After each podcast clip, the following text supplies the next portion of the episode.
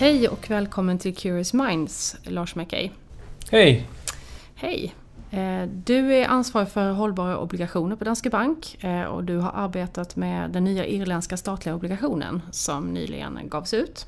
Eh, och Danske Bank var den enda nordiska banken som anlitades just för den här obligationen. Och den här obligationen den är, var värd 3 miljarder euro. Intresset från investerare var enormt, eh, framförallt från eh, europeiska investerare. Eh, och den övertecknades på väldigt kort tid. Och lite speciellt som jag har förstått det är också att en väldigt stor andel tecknades av eh, just nordiska investerare såsom Alecta och eh, AP2. Det är korrekt. Det är väldigt kul med sånt utfall. Varför ger Irland ut eh, den här statliga gröna obligationen nu? Ja, för Irland så låg det helt rätt eh, i tiden.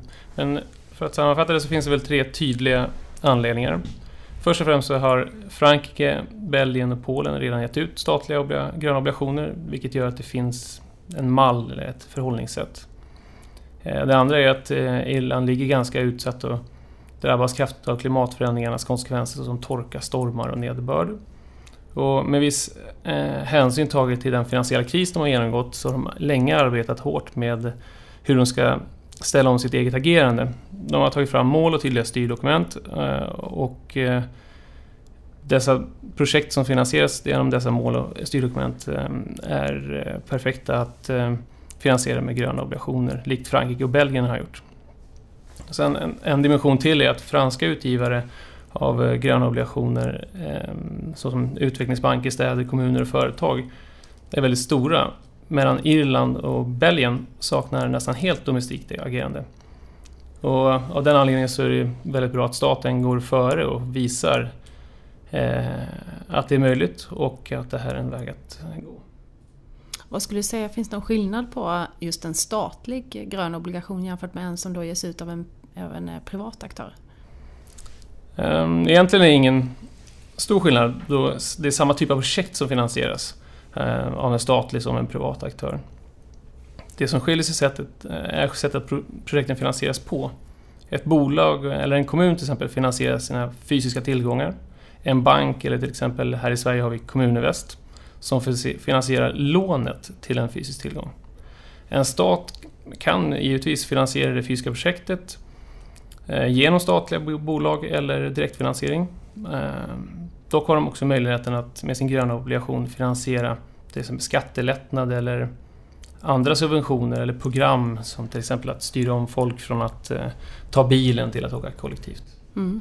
Och är det eh, just den här irländska obligationen, vad är det för typ av projekt som den kommer finansiera?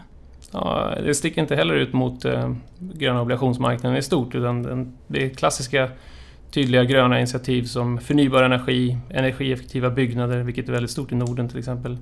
Hållbara transporter, avloppsvattensrening eh, och tillgång till dricksvatten, vilket är en stor utmaning på Irland.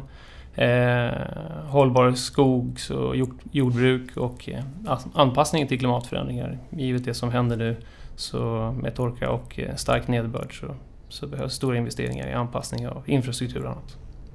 Och skulle du säga att, eh, att de här obligationerna verkligen gör någon nytta? Alltså eh, bidrar de till att vi, att vi når de här målen kring, eh, kring lägre utsläpp av eh, eh koldioxid och ja, så att, säga, att, det, att det leder fram till att vi når de här målen som vi har satt upp i Parisavtalet?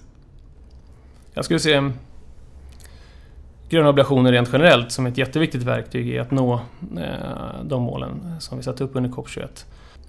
Det kommer krävas gigantiska, eller väldigt stora investeringar eh, de närmaste åren eh, och har redan gjort. Eh, och många investerare vill vara med och bidra till den omställningen. Eh, även vårt pensionskapital och institutionellt kapital vill jättegärna vara med i den här omställningen.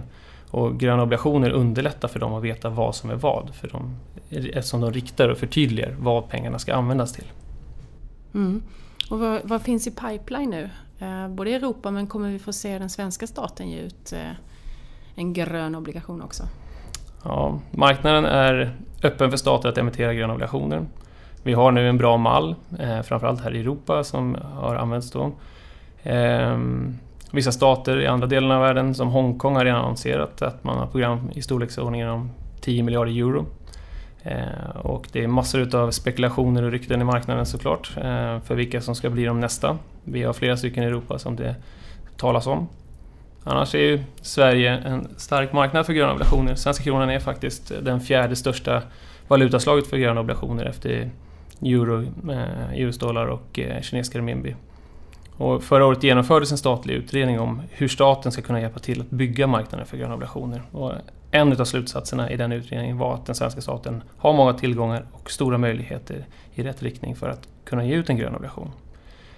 Det vi ser är väl, nu ska, nu ska inte jag tala för Riksgälden, men man anser bland annat att eh, man har för låga lånebehov för att ta upp ny skuld.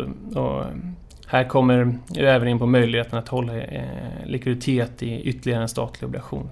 Men personligen hoppas jag såklart att det är någonting som kommer att kunna ske. Mm. Och det låter åtminstone som att på kort sikt att det kommer hända ganska mycket i andra delar av världen på den här eh, fronten. Om man ska dra den tangenten längre så vi har vi har flera afrikanska länder och eh, östasiatiska länder som eh, tittar mycket närmare. Nu ligger det en bit ifrån oss så vi kan inte följa det med riktigt den insikten men, men så låter det att det kommer komma fler. Och det kommer vara ett jätteviktigt del utav finansieringen utav omställningen. Mm. Tack så mycket Lars för att du kom hit och gästade Curious Minds. Eh, vi ser gärna dig här om ett tag till när vi har lite mer kanske nytt att berätta. Tack så mycket, ser fram emot. Tack så mycket, hej!